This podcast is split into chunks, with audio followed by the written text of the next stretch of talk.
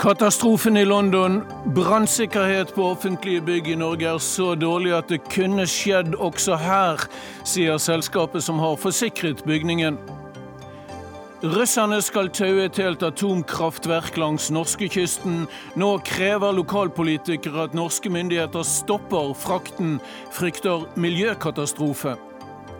Kristelig Folkeparti vil gi amnesti til 67 enslige voksne kvinnelige asylsøkere.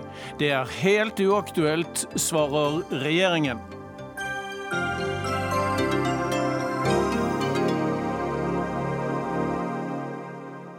Velkommen til Dagsnytt 18. I studio sitter Ole Torp, som også lurer på om Bob Dylan har drevet plagiat i sitt mye omtalte Nobelforedrag. Først til brannkatastrofen i London i denne sendingen. Minst seks mennesker er bekreftet døde etter brannen i natt. Og det fryktes at tallet vil stige. Øyenvitner forteller om folk som hoppet i desperasjon ut av den brennende boligblokken. Mer enn 70 personer er brakt til sykehus, og for et tyvetalls av dem er situasjonen kritisk. Flere hundre brannfolk jobbet gjennom natten med slukkingen av brannen i Grenfell Tower i bydelen North Kensington. Den 24 etasjer høye blokken består av 120 kommunale boliger. Flammene skal ha spredt seg oppover utsiden av bygningen etter at brannen oppsto rundt klokken ett om natten. Og på plass eh, på brannstedet er vår korrespondent Espen Aas. Hva er situasjonen nå? Nei, fortsatt så kommer det jo røyk fra uh, blokken. Fortsatt så ser vi tidvis at uh, det flammer opp i etasjer så langt ned som kanskje 15.-16. etasje. Det brenner iallfall der nå. Og så er jo uh, brannomfanget noe mindre idet vi kommer fra ja, 10.-11. etasje og nedover. Der har brannmannskapene Eh, klart å pøse på med vann, men noe særlig høyere klarte de ikke å komme før langt utpå dagen i dag. Og dermed så har jo eh, temperaturen vært svært, svært høy i de øverste etasjene. Og alt sammen er jo nå mer eller mindre bare et slags skjelett av stål og betong.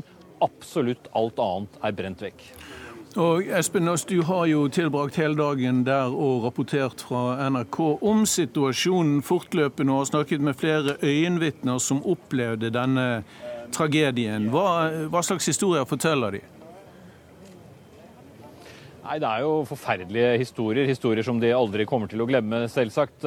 Det å våkne om natten i ditt eget hjem, at folk skriker så høyt om hjelp i, en blokk eh, ved siden av deg fordi de er helt desperate, fordi de har barn med seg i leiligheten, fordi de ikke kommer noen vei, fordi det er flammer og varme overalt. Eller hva med broren som jeg traff, som ble ringt opp av sin søster eh, i løpet av natten. Klokken tre sto han og snakket med henne i telefonen. Da befant hun seg oppe i 13. etasje.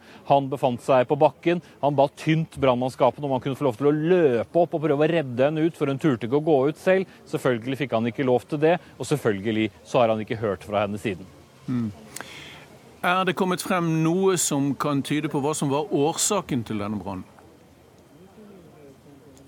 Bare spekulasjoner, for så vidt. Det som er sagt, er at brannen eh, mest sannsynlig startet i en av de lavere etasjene. Det har vært snakk om eh, fjerde etasje.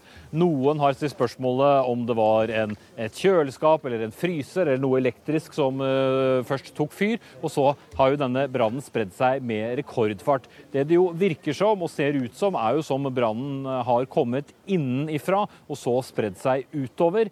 I tillegg så var da dette bygget, i motsetning til mange av de lignende boligblokkene bygningene i området, kledd med et annet materiale på utsiden. De andre eh, bygningene her har eh, eh, som regel mur eller murstein på utsiden. Men dette bygget, etter at det ble pusset opp, hadde glassfiber og plast og andre ting som tok veldig raskt fyr. Det brant nærmest som papir oppover veggene, har folk fortalt her. Mm. Gjøres det noe spesielt nå? Fra, hva, hva, skjer på stedet i, i kveld fra myndighetenes side?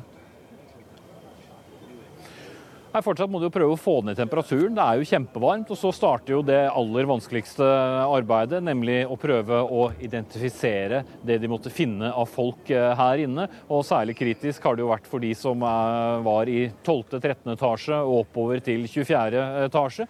Dit kom aldri brannmannskapene, og vi vet ikke hvor mange som klarte å komme seg ned derfra på eh, egen hånd. Vi har jo alle hørt disse historiene om folk høyt høyt oppe i blokkene som veivet med håndklær og som veivet med lysende mobiltelefoner for å signalisere at de var der, for å signalisere at de trengte hjelp.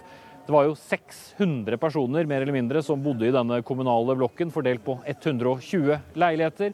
Vi vet at seks er bekreftet døde. Vi vet at det er i overkant av 70 som ligger på sykehus. 20 av dem hardt skadd, eh, som du sa. Og så er det alle de andre da, som må telles opp. Alle de andre navnene som må registreres før vi kan få et slags overblikk over denne situasjonen. Og det er jo en del av arbeidet også utover kvelden her. Espen Aas, korrespondent for NRK i London, takk skal du ha. Frode Michaelsen, eh, branninspektør her i Oslo.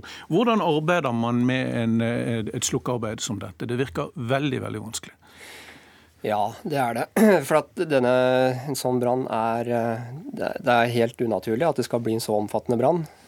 Normalt så jobber man mot kanskje brann i én eller to leiligheter i høyden. Eh, så det er klart dette har vært eh, veldig spesielt og veldig utfordrende. Og man kommer jo ikke til i høyden med høyderedskaper her heller, da, altså stigebil. Tidsmomentet er vel også viktig. Hvor, hvor snart man får alarm og, og slipper til? Ja, det, det vet vi jo ikke så mye om her, da, hvor raskt eh, brannvesenet har fått, eh, fått, melding.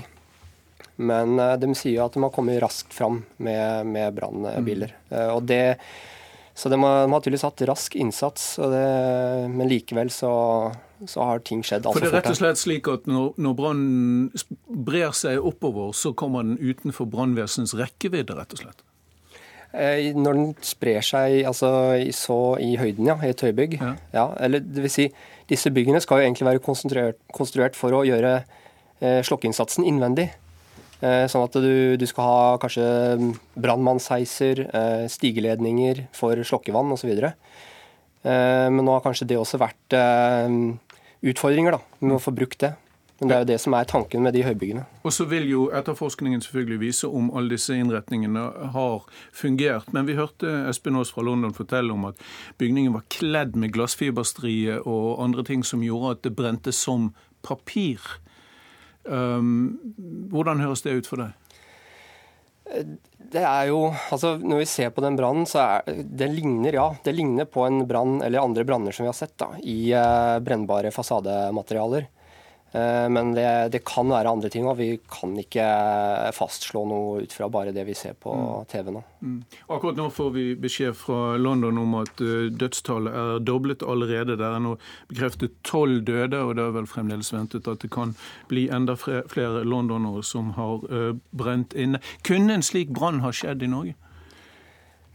Altså, Vi kan jo ikke utelukke det, men uh, bygningsregelverket i Norge i hvert fall, jeg kjenner ikke det engelske, men i hvert fall i Norge så, så, skal det være godt nok til at de byggene skal være trygge. Men jeg mener, Finnes det eh, bygningsmaterialer i norske hus uh, og, og, og, og høyhus som kan bidra til en såpass rask brannutvikling som vi har sett i natt? Ja, det, det fins det. Men da, det, da skal man altså bygge det på en så trygg måte at det likevel ikke skal skje. Men selvfølgelig, man bruker, hvis man bruker sånne typer brennbare materialer, f.eks. plastmaterialer, mm. så er det større fare for da, at ting kommer ut av kontroll.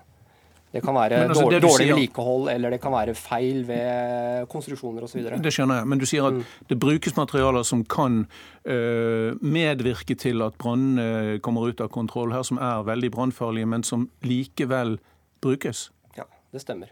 Det gjør det. Jeg vet at det ikke er ditt ansvar, men hvordan, hvordan, kan, det, hvordan kan det gå til? Eh, det er fordi vi har et, eh, et regelverk, bygningsregelverk som sier at du altså det, er, det, er, mye som er tillatt hvis du bare bygger det sikkert nok for å, sånn at du unngår uh, unormal brannspredning, f.eks. Jeg husker For noen år siden var det mye snakk om uh, dørkameraplastikk som ble fjernet f.eks. For fordi det var livsfarlig. Men det brukes altså fremdeles svært brennbare eh, materialer i norske bygg. Ja, det brukes noe. Det gjør det. Og så fjerner man noe etter hvert også, etter hvert som man gjør seg erfaringer. Eksempel, Men man må gjøre erfaringen først? Noen ganger så er det veien å gå, dessverre. Mm. Som f.eks. med plast, plastdørkarmene. Og plasthåndtak på dører også, som kan smelte. Som mm. Sverre Bjerkeli, du er uh, administrerende direktør i Protektor forsikring, som det heter. Og det er dere som har, uh, som har forsikret dette, dette, eiendomskomplekset i London. Kan du si noe om hva slags bygg det var, og hvor, hvor, uh, hva slags tilstand det var i? Ja, for det første så er det riktig at Vi forsikrer alle offentlige bygg, både i Kensington og Chelsea, som er denne bydelen i London hvor det er en brann nå, i tillegg til elleve andre bydeler i London. Så vi forsikrer ca. en tredjedel av London. Og I den forsikringsmassen vi forsikrer, så har vi 155 000 leiligheter, og det er 120 av disse nå som er utsatt for denne tragiske ulykken. Eh, etter vår oppfatning så er dette bygget, som har vært gjennom en normal risikovurderingsprosess, et relativt eh, godt bygg. Så vidt vi vet, så skal alle forskrifter og lover og regler være fulgt. Eh, og dette er jo også et bygg som nylig har blitt pusset opp for flere titalls millioner kroner. Men her høres det jo ut som det er selvfølgelig bare en teori, men det høres jo ut som det er denne nye kledningen på bygget som har gjort at brannen har spredt seg så raskt? Ja, vi, vi, har ingen teknisk kunnskap om det i dag til å kunne uttale oss om akkurat det spørsmålet. Generell, eh, det generelle nivået på bygningsteknisk standard og sikringstiltak i UK er jo etter vår oppfatning vesentlig bedre enn i Norge. Eh, og Kensington og Chelsea er jo en rik bydel i, eh, i London, og dette bygget er pustet opp for mange titalls millioner kroner. Mm. Sånn at vi syns selvfølgelig at det er tragisk og underlig at det sprer seg så fort, men det generelle sikringsnivået i UK er bedre enn i Norge. Jeg la merke til at du sa det, det må du nesten uh, utdype. Du sier altså at norske bygg er har dårligere brannberedskap enn de byggene dere forsikrer i, i Storbritannia? Ja, norske offentlige bygg har det. Eh, vi er jo størst i Norden i offentlig sektor. Vi forsikrer jo mer enn dobbelt så mange bygg i Norden som nummer to. Men hva er forskjellen? Nei, altså eh, i, i UK så er brannvarslingssystemer mer utbredt. Eh, sprinklingsanlegg er mer utbrent. Orden og renhold er på et veldig mye bedre nivå. Viktige offentlige bygg er også sikret på en bedre måte, kanskje med gjerder, kanskje med videoovervåkningsutstyr. Så det er en rekke sikringstiltak som er ganske normal standard i UK, som ikke eksisterer i Norge overhodet. Men her gjelder selvfølgelig Ja, unnskyld. Vi, er veldig redd for at, uh, at det kommer store branner i Norge. Uh, muligens ikke denne type høyhus, det håper vi at det slett ikke gjør. Men, uh, men det er en stor del av den offentlige bygningsmassen er utsatt. og Våre tall viser at 43 av norske skoler ikke følger sikkerhetsforskrifter eh, som gjelder skolene deres. 43 Det er ganske stygt. Halvparten, nesten halvparten av norske ja. offentlige skoler følger ikke brannforskriftene. Det er riktig. Så det du sier er at det, selv om man i og for seg har installert alt man skal av brannslukningsapparater og, og brannhemmende maling og alt dette, så er det den menneskelige faktor som spiller inn. Absolutt. Og der er britene mer drillet enn vi er? Veldig mye bedre uh, enn uh, en det vi er. Og vi har gjort flere tusen besiktigelser uh, on location av risikoingeniører og har systematisert og strukturert dette. Så det er ikke en, det er ikke en påstand, men et faktamateriale som kan dokumentere dette. Et faktamateriale.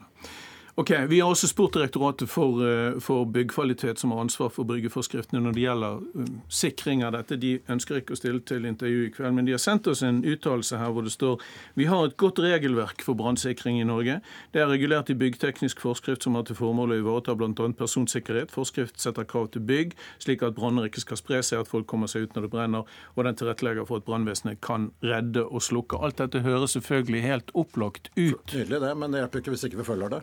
Nettopp. Er det din erfaring at um, folk som har ansvar for dette i norske bygninger, helt ned på jeg holdt på å si, vaktmesternivå, er slumsete med det? Ja, helt åpenbart uh, at de er det. Noen er flinke, noen følger forskriftene uten at vi trenger å, å, si noe som helst. Men når vi kommer på besøk, så må vi ofte gå både én og to og tre runder med mange måneders eller års mellomrom for å repetere og repetere. Dette kan du ikke gjøre, dette kan du ikke gjøre, dette må du rydde opp i, dette må du rydde opp i.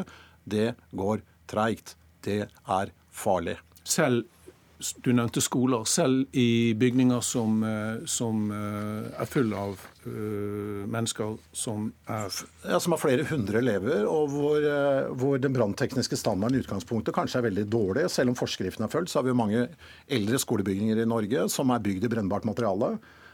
Og det er klart at de kan fulltennes. Eh, vi har et eksempel på det på en skolebrann i dag i, i Oslo. Som ikke vi forsikrer. Vi kjenner ikke noe til den brannen, men, men, dette er jo aktuelt i dag. Hvilken skole er det?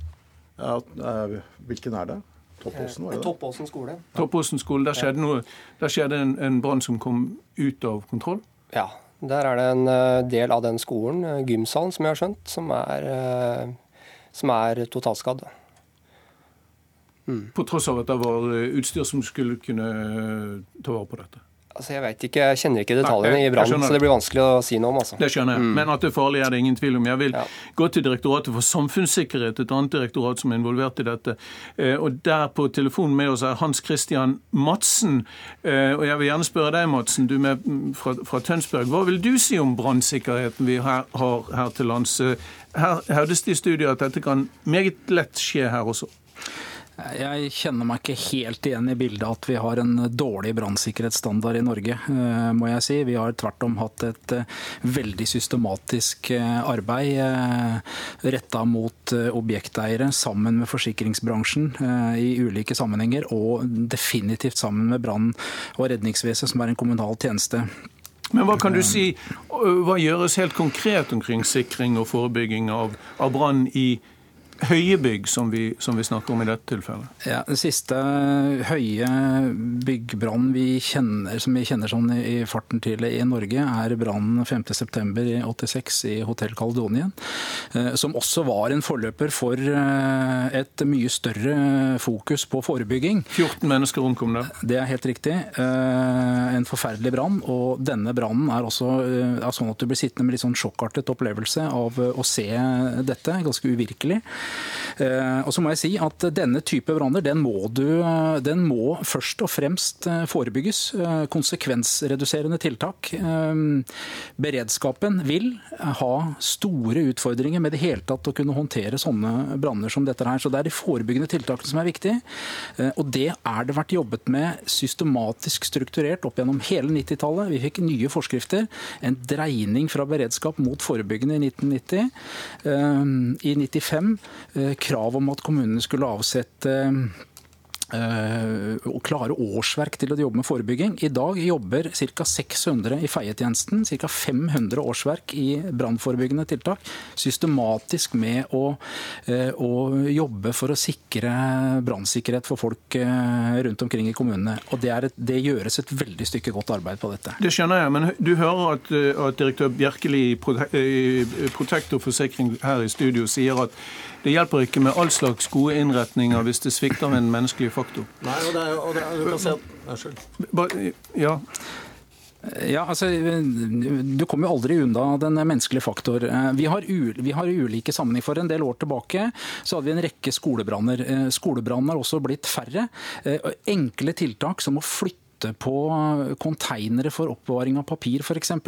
har betydelig, hatt betydelig effekt rundt sånne ting. 43% av skolene i Norge har ikke gjort den jobben. Det er det som er problemet i dag. ikke sant? Sånn at flyttbare konteinere og, og søppelbøtter montert på brennbar vegg Eh, det er jo et kjempeproblem i norsk skolevesen i dag. Til tross for at jeg er enig med deg at det har skjedd mye bra de siste ti ja. årene.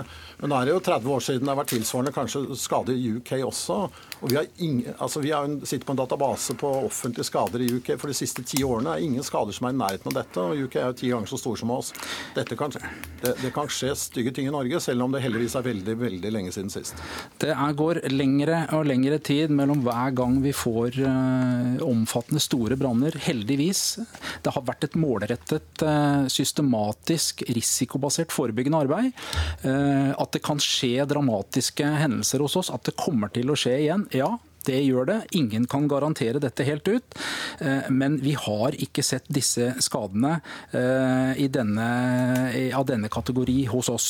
Og vi har, stor, vi har, en stor oppmerksomhet rundt branner som kan forårsake tap av mange menneskeliv. Etter eh, katastrofer også, også, i våre naboland, som f.eks. diskotekbrannen i Gøteborg. Vi får fortsette å følge med og følge opp alle forskriftene. Takk skal dere ha, Sverre Bjerkeli, administrerende direktør i Protektor, Hans Christian Madsen fra Direktoratet for samfunnssikkerhet, Frode Michaelsen, branninspektør i Oslo, og vår aldri hvilende korrespondent Espen Aas i London.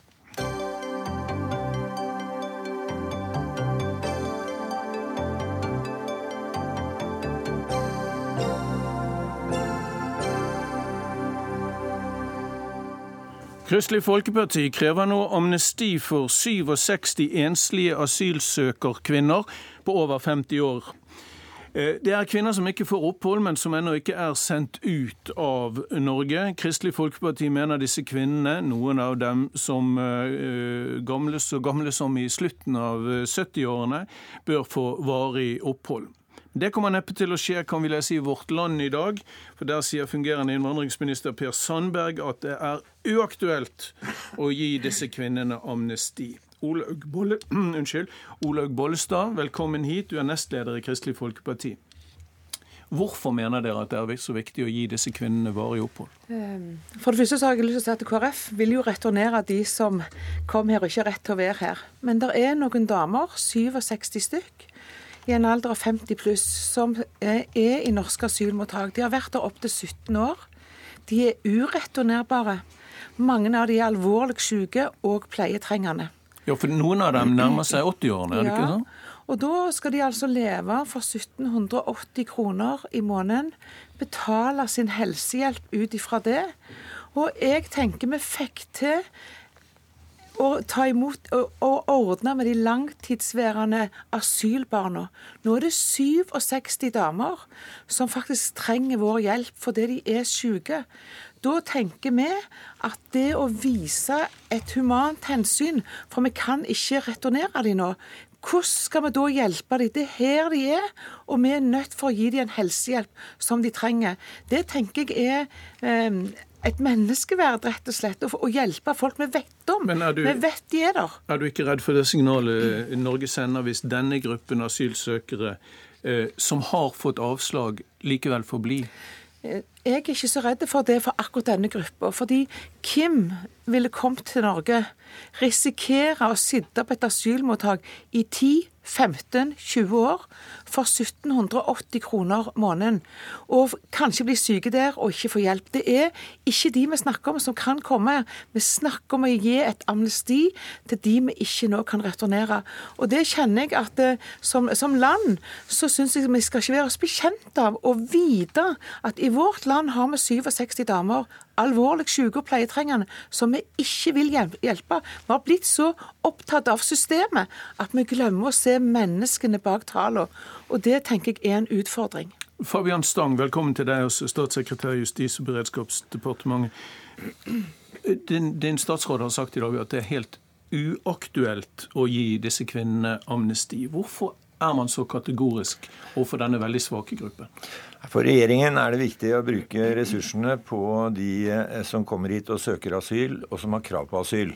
Eh, og det, er, eh, det, var mange i 2015, nå er det ikke så mange, men det kan plutselig være mange i morgen. Og da er det altså sånn at Når man kommer til Norge, så får man ikke opphold hvis ikke man eh, da har en asylgrunn. Da søker man, så får man avslag, så anker man, så får man avslag, og så får man plikt til å forlate Norge. Hvis man men dette, ikke Men dette, dette, er en minst like svak gruppe som uh, mindreårige uh, asylsøkere, antagelig. Kvinner langt opp i 70-årene som har vært her i mange, mange år. Ja, men de har vært her fordi de og de har ingen steder å dra? De har vært her og har ikke krav på, på oppholdstillatelse fordi de ikke hadde krav på asyl når de kom, og ikke reiste hjem igjen. Så det må statueres et eksempel? Og, nei, det men det vi vet er at det er veldig sjelden man ikke får til en retur til der man kommer fra, hvis den det gjelder medvirker til å få til returen. Og da, Jeg kjenner ikke disse enkeltsakene, men i nesten alle tilfeller hvor folk medvirker, så, så, får man til en retur. Og Det er jo mulig for disse kvinnene fortsatt å få til en retur. Og så har vi et unntak som sier at hvis det ikke er mulig å få til en retur etter at man selv har medvirket, så får man oppholdstillatelse. Vi snakker om en engangsløsning her. Vi snakker om da 67 kvinner som er syke, og som straffes hele livet fordi de faktisk ikke var samarbeidsvillige for mange mange år tilbake igjen. Nå er vi i den situasjonen. Vi kan ikke returnere dem. Og da er mitt spørsmål til Fabian Stang, hva skal vi da gjøre? Skal vi bare ta hodet ned i sanden og si det er viktigere å forsvare et rigid system, eller skal vi se at dette her handler om kvinner som trenger vår hjelp? Vi snakker fint om å hjelpe der folk er. Nå er de her, og vi kan ikke returnere dem. Hva vil Fabian Stang gjøre med de som da er så syke? De vil jeg påstå at kan returneres hvis de selv medvirker. Og det har vært mulig hele veien siden de kom til Norge. Det er ingen som er her som ikke kan returneres. Hvis det er slik at det er umulig å få til en retur etter at man selv har medvirket, så finnes det et unntak i forskriftene, paragraf 8-7, som sier at da kan du få opphold allikevel. Så de som er her uten opphold, det er de som ikke har medvirket til å få til en retur. Men dette er jo kvinner som kan dø her. Ja, det er, det er, altså, hadde det vært opp til meg, skulle jeg jo tatt imot hele verden. hadde jeg nær sagt. Men, men, vi har altså bestemt i dette landet at det er de som har behov for asyl, som skal få komme hit og få asyl. De som ikke har behov for asyl, de skal returnere til det landet de kom fra. Men det er sånn eh, at eh, disse kvinnene er det ingen som kan reise inn og hente og sende ut. For vi har ingen plass å sende dem hen. Ja. Og da tenker jeg at det, da er det et ansvar for oss å vise litt humanitet. Det tenker jeg er ikke for Vi snakker ikke om hele verden. Vi snakker ikke om at det er mange som vil, vil gjøre dette på nytt igjen. For de sitter der og så der opp mot nesten 20 år. Men du er ikke redd for at det kan bli en slags etterfylling av flere kvinner som vil benytte seg av den, øh, den retten de automatisk vil få hvis man innvilger dem Nei, for jeg tenker dette som en engangsløsning for disse 67. Men det er vel det regjeringen frykter ja, og så tenker jeg, Og eh, ville, hvis de hadde visst dette, Hvem ville reist, som jeg sa innledningsvis, og bytt på et asylmottak i Norge for 1780 kroner måneden, bli syk og ikke ha noe hjelp, ingen av sine rundt seg, ingenting. Da tenker jeg vi har et ansvar å gi hjelp. Det er alltid fristende å tenke seg en løsning via et amnesti, men grunnen til at vi har en ryddig asylpolitikk i Norge, er at man er tilbakeholdne med å gi amnesti og konsentrerer seg om å hjelpe de som har behov for asyl. Men dette er sårbare kvinner sårbare kvinner som ikke kan returnere. Det er ikke nei, sånn. Kan, for meg, nei, for meg... Altså, du, du, du, påstår at de ikke kan returnere, men de opplysningene jeg har fått, er at så å si alle kan returneres hvis de selv medvirker. Og de som ikke kan returneres etter at de har medvirket, de får lov til å bli og får opphold. De, de, får lov til å bli. Så det betyr at hvis det er en gammel dame på 79,5 år som begynner å bli senil, så får hun bli? Hvis, hvis hun Nei, jeg kan ikke gå inn i enkeltsaker, men, men hvis, hun, hvis hun på det tidspunktet hun kom, eller i de 15 årene som er gått, har medvirket overfor norske myndigheter og lagt forholdene til rette for å bli returnert, eh, så, og det ikke går av en eller annen eh, grunn, at hun ikke får lov til å komme inn eller, eller lignende, så får hun opphold. Ok, Selv om Fabian Stang personlig gjerne ville tatt imot hele verden, så det er ingen nåde for gamle damer i den runden. Ja, de, de, får et sted å bo, øh, og de får helsehjelp i krisesituasjoner øh, når det er livstruende. Og de får noe penger. Okay. Takk skal dere ha, Olaug Bollestad fra Kristelig Folkeparti, Fabian Stang fra Høyre og statssekretær i Justisdepartementet.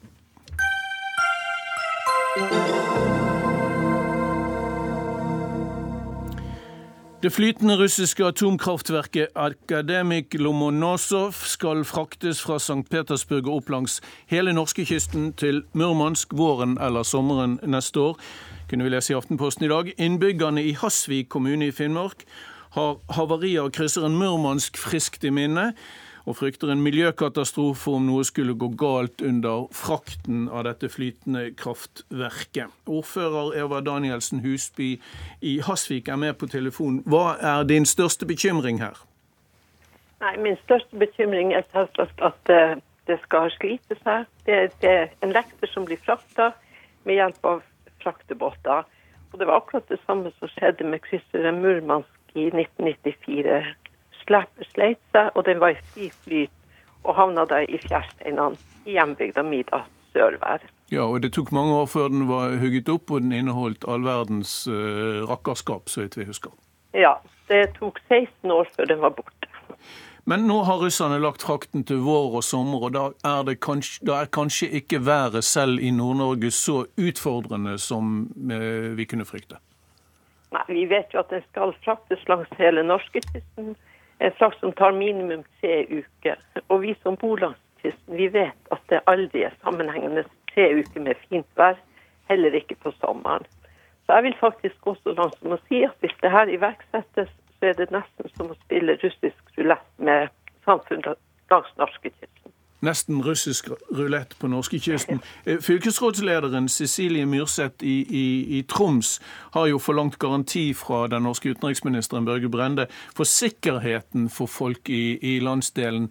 Eh, det er kanskje vanskelig å utstede en sånn garanti, men hva venter dere der oppe at, eh, at norske myndigheter praktisk og faktisk skal gjøre? Ja, I hvert fall må de følge det med argusøyne. Og praktisk det er vel også skissert at man skal ha eh, slepebåter liggende klar. Men vi må ikke glemme at det her er over 100 meter, 140 meter lang lekter. En tung jernkloss. Og, og hvis det skjer en ulykke på havet, så er det ikke så enkelt verken for Børge Brend eller noen å gi garanti for at ikke den kommer inn i fjæra. Nei, Slike garantier er selvfølgelig vanskelig å gi. Ingar Amundsen, ja. du er seksjonssjef i Statens strålevern. Hva er et sånt flytende atomkraftverk for noe?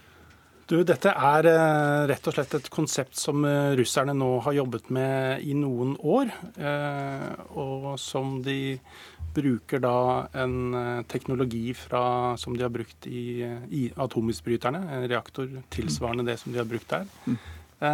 Og som de nå da har planer om å transportere opp til Sibir. og Sånn at denne, dette kraftverket kan ta over for dette Bilibino-kjernekraftverket de har i, helt i nordøst i, i som er, Sibir. Som er utrangert? Som skal eh, stenges ned i 2019. Så det ligger, en, der ligger en, et slags forsøk i hvert fall på en sikkerhetsforbedring her? Der oppe er, i hvert fall. Ja, eller eh, for å si det sånn, tankegangen er jo også De har også planer i forhold til å kunne eksportere denne teknologien og vi er også kjent med at de har vært i dialog spesielt med Kina, Indonesia, Argentina og ja, så vi kan i fremtiden se en rekke slike transporter av atomkraftverk eh, putrende omkring på verdenshavene? Det er det du sier? Det jeg sier er i hvert fall at uh, slike planer er det i, i Russland. Uh, nå viser det seg at denne, dette flytende kjernekraftverket har det tatt lengre tid å bygge enn en planlagt. Uh, og det vi også har hørt fra russiske myndigheter, er at man nå da ønsker denne piloten å teste ut den for å se etter om dette her er noe som det går an å, mm. å drive med videre. Og i så måte så er det jo også da når det gjelder transporten, som vi som Statens strålevern selvfølgelig også er, er veldig opptatt av og, og, følger tett, så er det også et anliggende som da ikke bare gjelder Norge, men som også vil gjelde det internasjonale samfunn dersom denne teknologien blir eh, blir relevant, og, hvor det blir aktuelt. Bare så vi har det helt på det rene. Dette slepet skal foregå utenfor norsk farvann, men likevel svært nær eh, norskekysten, ikke sant? Og dere er bekymret, er det riktig å si det? Det, vi er opptatt av, av, sikkerheten i forhold til, til, disse tingene. Det er klart eh, det er planlagt eh, at dette her skal foregå neste sommer. Eh, denne lekteren er, eh, det er helt nytt konsept. Eh, det har ikke vært gjennomført en sånn eh, transport tidligere. Vi er veldig opptatt av at alle nødvendige sikkerhetsaspekter er tatt hensyn til fra, fra russisk side i forhold til konsekvensvurderinger, slik at vi er også helt sikre på at denne transporten er gjort på en mest mulig sikker måte. Men mitt spørsmål var, er dere bekymret? Vi er selvfølgelig, hvis, eh, hvis, det verste skal skje, så er vi bekymret for at dette kan få konsekvenser for, for norske områder. Mm. Det er klart. Hva, hva, kan dere praktisk gjøre for å sikre denne frakten fra, fra norsk side?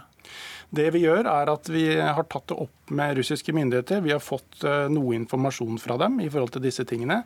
Eh, vi har behov for å gå i enda sterkere dialog med dem når det gjelder hvilke konsekvensvurderinger som er, eh, er gjennomført, og også dialog i forhold til dette med, med mulig nødhavn f.eks. Det er jo tre uker denne skal transporteres oppover, og det er noen gitte eh, krav til bølgehøyde og, og vind f.eks.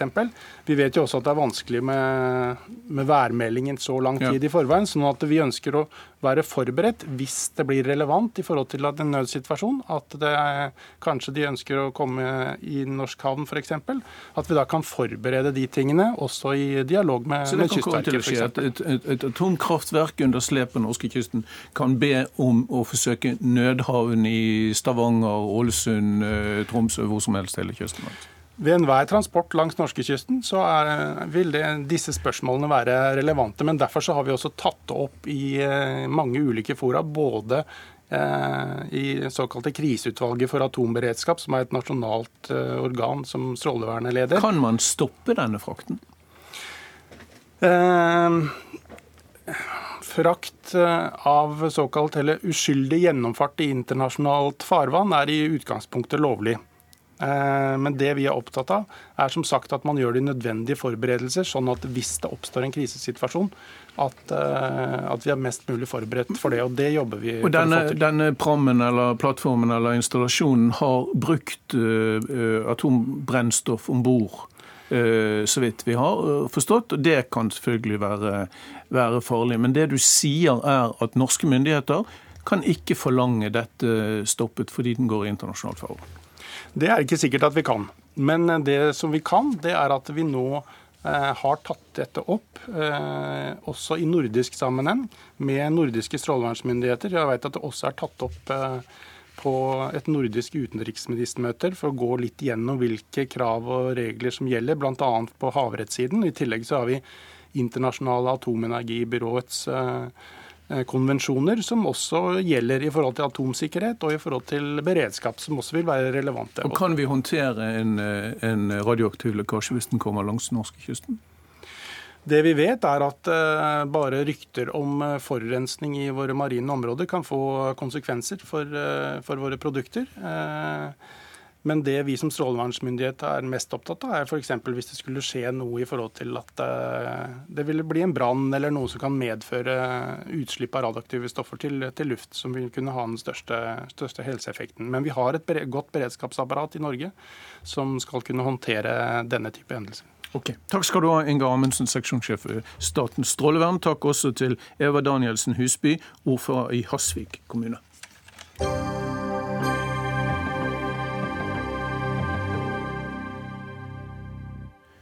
Hvis eh, Fremskrittspartiet vil bevare norsk kultur, så må de slutte å være så opptatt av innvandring og heller begynne å ta klimaet på alvor, mener en forfatter som heter Erik Martiniussen.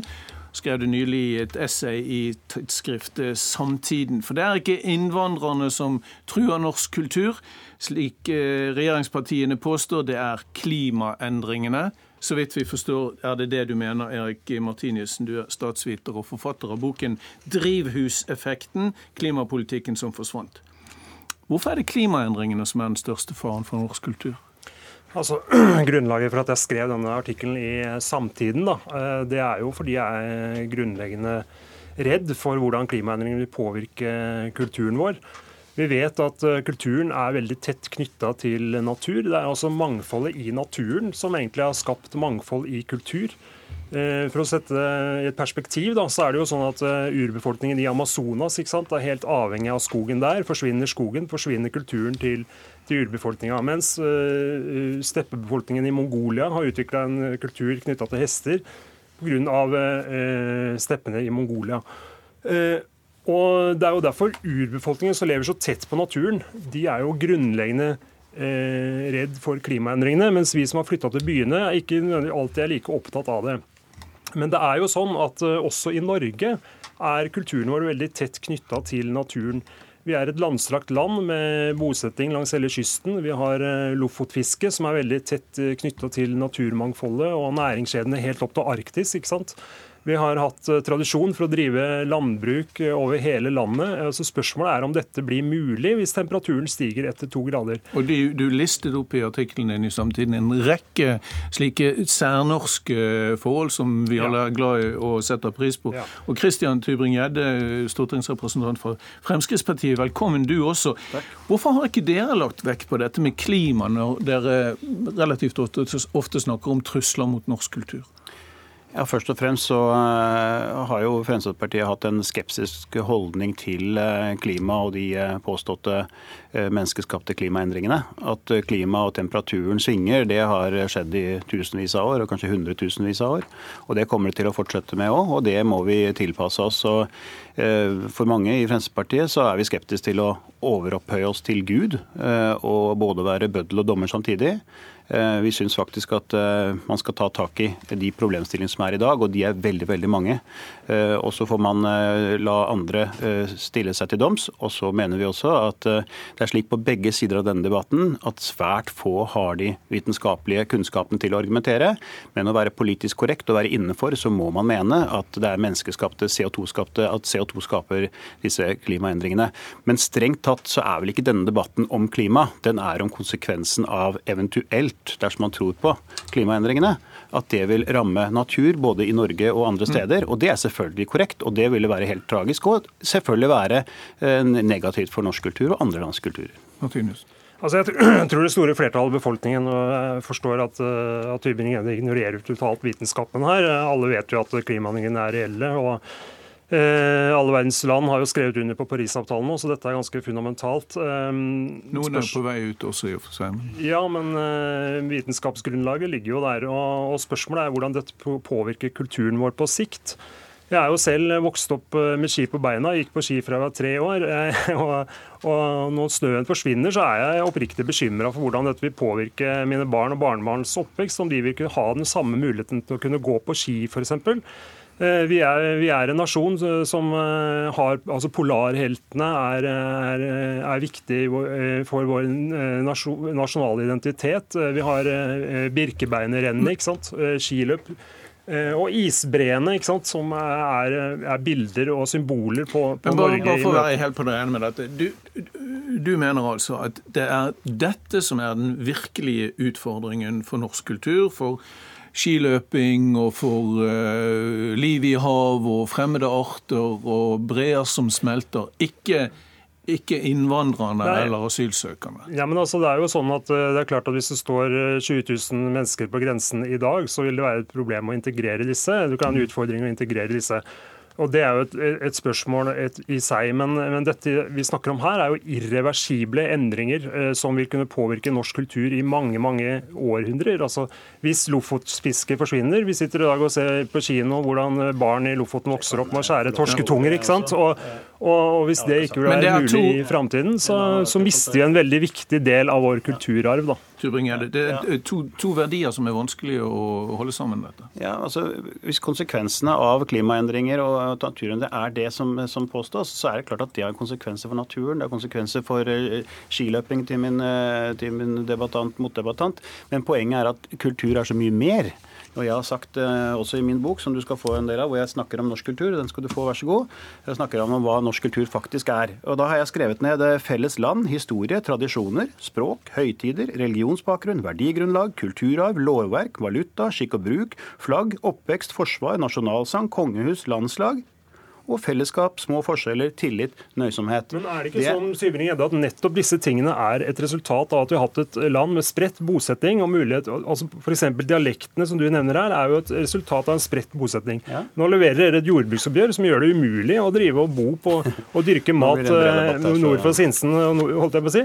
Eh, og Det er, jo et annet resultat av deres politikk. Så Jeg forstår ikke denne motsetningsforholdet. at På den ene siden er veldig opptatt av kultur når det kommer til innvandring, som i hovedsak beriker vår kultur. vil jeg si, og Innvandrerne tar jo også ivaretar også vår kultur til en viss grad. Filetering på norske fileteringsanlegg skjer jo i dag med, med hjelp av innvandring og, og arbeidsinnvandring. Okay. Så, ja, jeg, jeg, tror vi får litt mange debatter på en gang her uh, nå. Og jeg tror ikke dere blir enige, men Tubring-Gjedde, du ser også den faren som, som uh, reises her?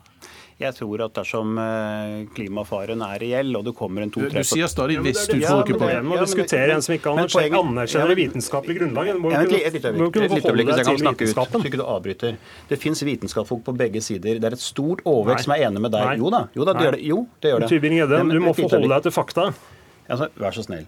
Det finnes vitenskapsfolk på begge sider. Jeg har selv, jeg har selv hatt møter med vitenskapsfolk som er uenige med deg. Jo, det har jeg hatt. Du kan altså, ikke si at du ikke har hatt et lite øyeblikk. Et lite øyeblikk. Og da må du akseptere at jeg har et annet syn Nei, enn deg. Dette handler ikke om et annet syn. Her snakker vi okay. om hva som er fakta. Og fakta er at jeg, tror, jeg tror jeg konkluderer her. Vi kan, vi kan godt diskutere endringen av kultur. Eh, Men det som er fakta, er at klimaendringene er reelle. Takk skal dere ha, begge to.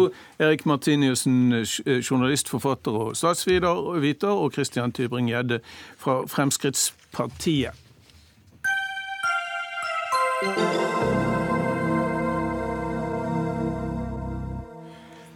En rapport som eh, legges frem for forsvarspolitikere og forsvarstopper nå, konkluderer med at Norge vil kunne tredoble kampkraften sin, tredoble kampkraften, dersom vi oppfyller Natos mål om å bruke 2% av bruttonasjonalprodukt på forsvar. Det er det Aftenposten som skriver i dag. Nils Holme, du er eh, tidligere sjef for Forsvarets forskningsinstitutt og nå en uavhengig forsvarsekspert og har skrevet rapporten.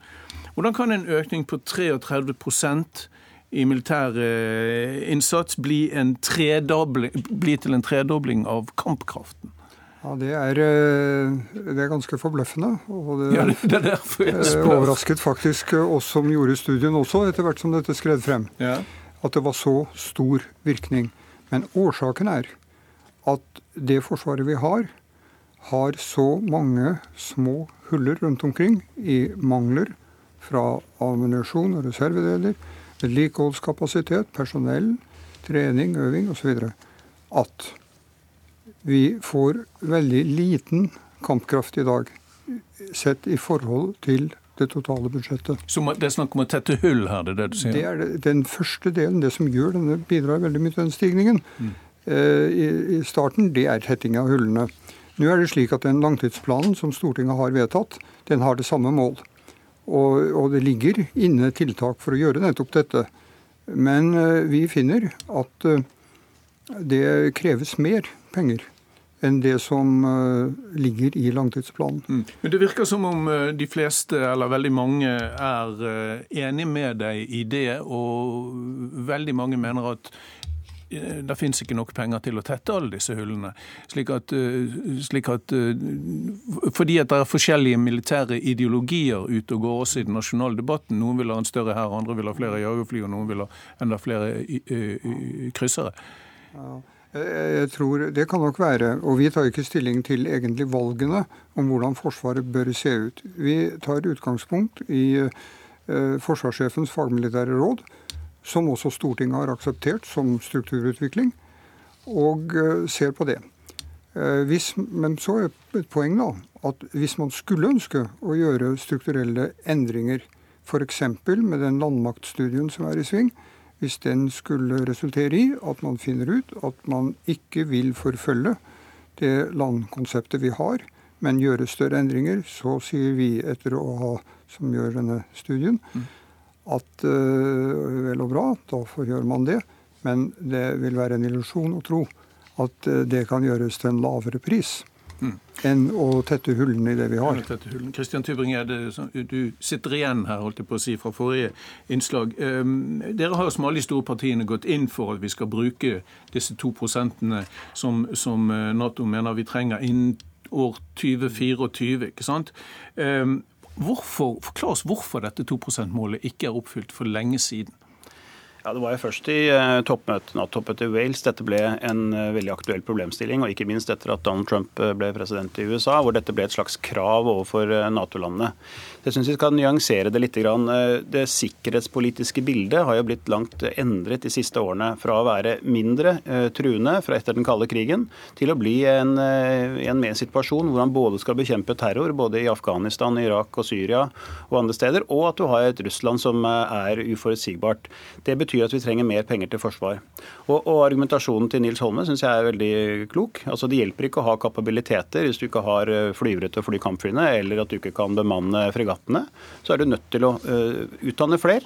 Uh, og dessuten, hvis du har et artillerisystem, men du har ikke ammunisjon f.eks., ja, så hjelper det lite å ha utstyret på plass. Men hvorfor har vi en langtidsplan som legger opp til å nå 1,59% av BNP, når alle de store partiene er enige om 2 Fordi at det å prioritere 17 milliarder mer til Forsvaret hvert år har vært en politisk uh, umulighet til nå. Jeg tror eh, bevisstheten og også landsmøtene til de ulike partiene som har vedtatt 2 et mål, må forplikte seg fremover nå. Og da vil også den langtidsplanen som vi nå har vedtatt, bli endret. Det er åpenbart Får du mer penger i milliardklassen, så kan du jo ikke følge den samme, samme langtidsplanen, som ligger på et annet nivå.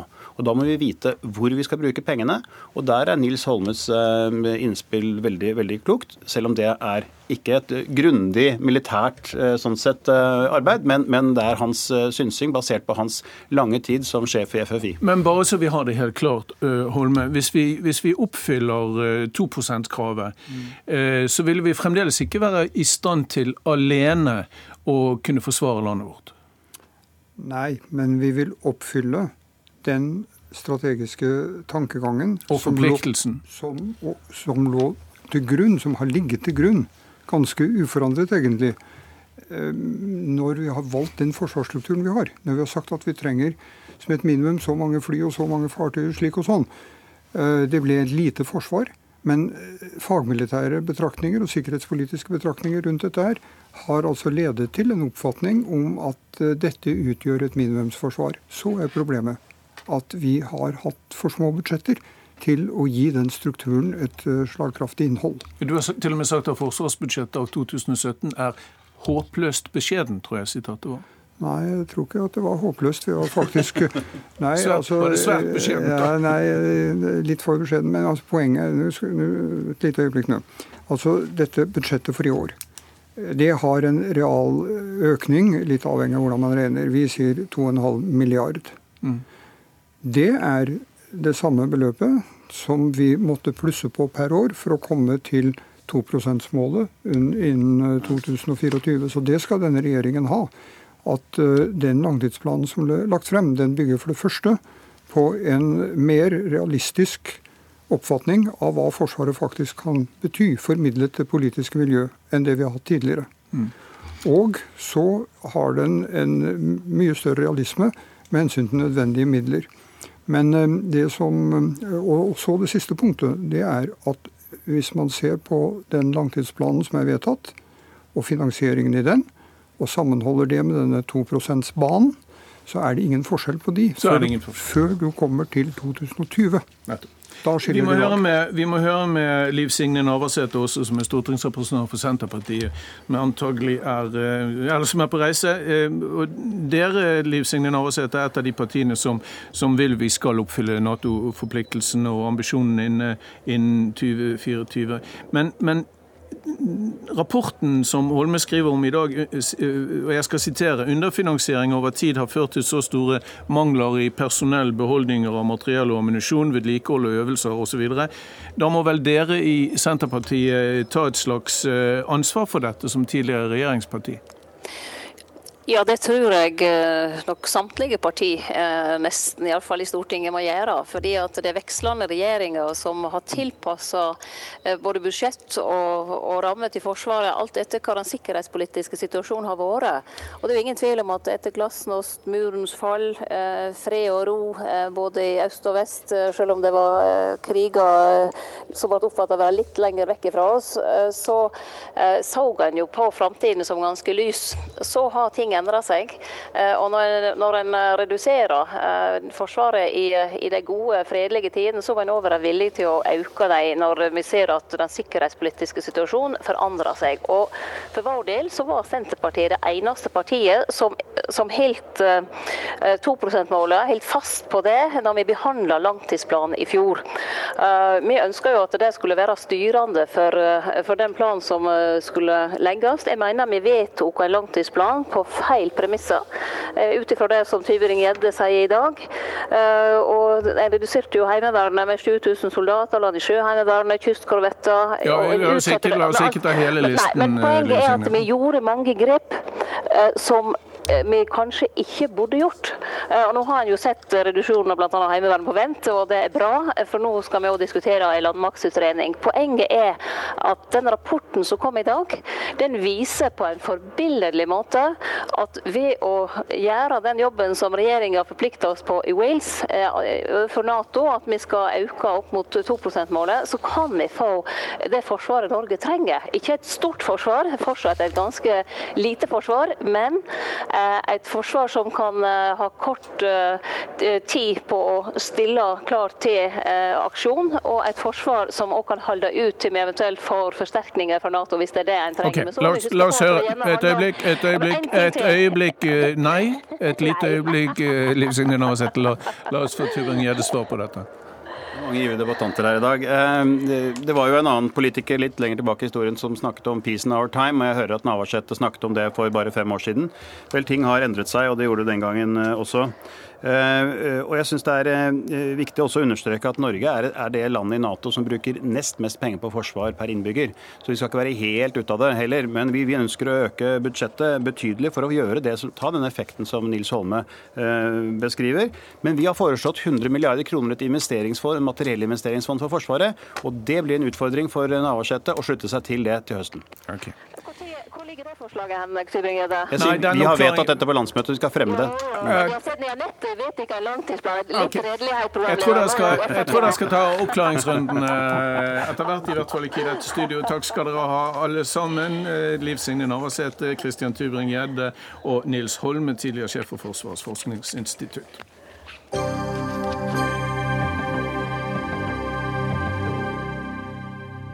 Bob Dylan anklages nå for å ha plagiert store deler av sitt nobelforedrag, selve forutsetningen for at den 76 år gamle artisten skulle få sine prispenger. Det er nettmagasinet Slate som har analysert Dylans 26 minutter lange foredrag, som han sendte som et beatdikt på lydfil til, til Nobelkomiteen. Analysen skal altså vise at Dylan har lånt tekster fra en internettside som tilbyr leksehjelp og raske gjennomganger av litterære verk for studenter og skoleelever. Det pikante ved historien er at når Dylan trekker frem verk som har hatt stor betydning for ham som kunstner, låner han setninger ikke fra Herman Melvilles roman Moby Dick selv, men setninger som enkelt forklarer eller forteller passasjer fra Moby Dick. Tor Egil Førland, historieprofessor på Universitetet her i Oslo, velkommen. I sin tid skrev du en doktorgrad om Bob Dylans betydning for 60-tallets USA. Har han gjort noe galt nå? Hvis han hadde vært student, og dette hadde vært en eksamen, så ville han ha gjort noe galt. Men han gjør dette i en tradisjon som ikke bekymrer seg så mye om plagiat. Han låner herfra og derfra. Han har alltid lånt herfra og derfra. Så jeg er ikke i stand til å hisse meg opp over dette. Men kan han ha gjort det som et pek mot Nobelkomiteen, etter de rundene de var gjennom? Jeg tror egentlig han har gjort som han har gjort fordi han har hatt det travelt, fordi dette ikke har vært høyt på prioriteringslista hans. Mm. Og fordi de formuleringene som det er snakk om, det spiller egentlig ingen rolle om de er riktige i streng forstand, fordi at det de brukes til, er å gjenfortelle meningsinnholdet i i dette tilfellet Moby Dick. Men det er altså fra en leksehjelpside, eh, som noen av oss husker fra den gangen vi måtte pugge veldig mange klassikere på en gang. Ja, da, er det ikke litt det... pinlig for en mann som har vunnet nobelprisen i litteratur?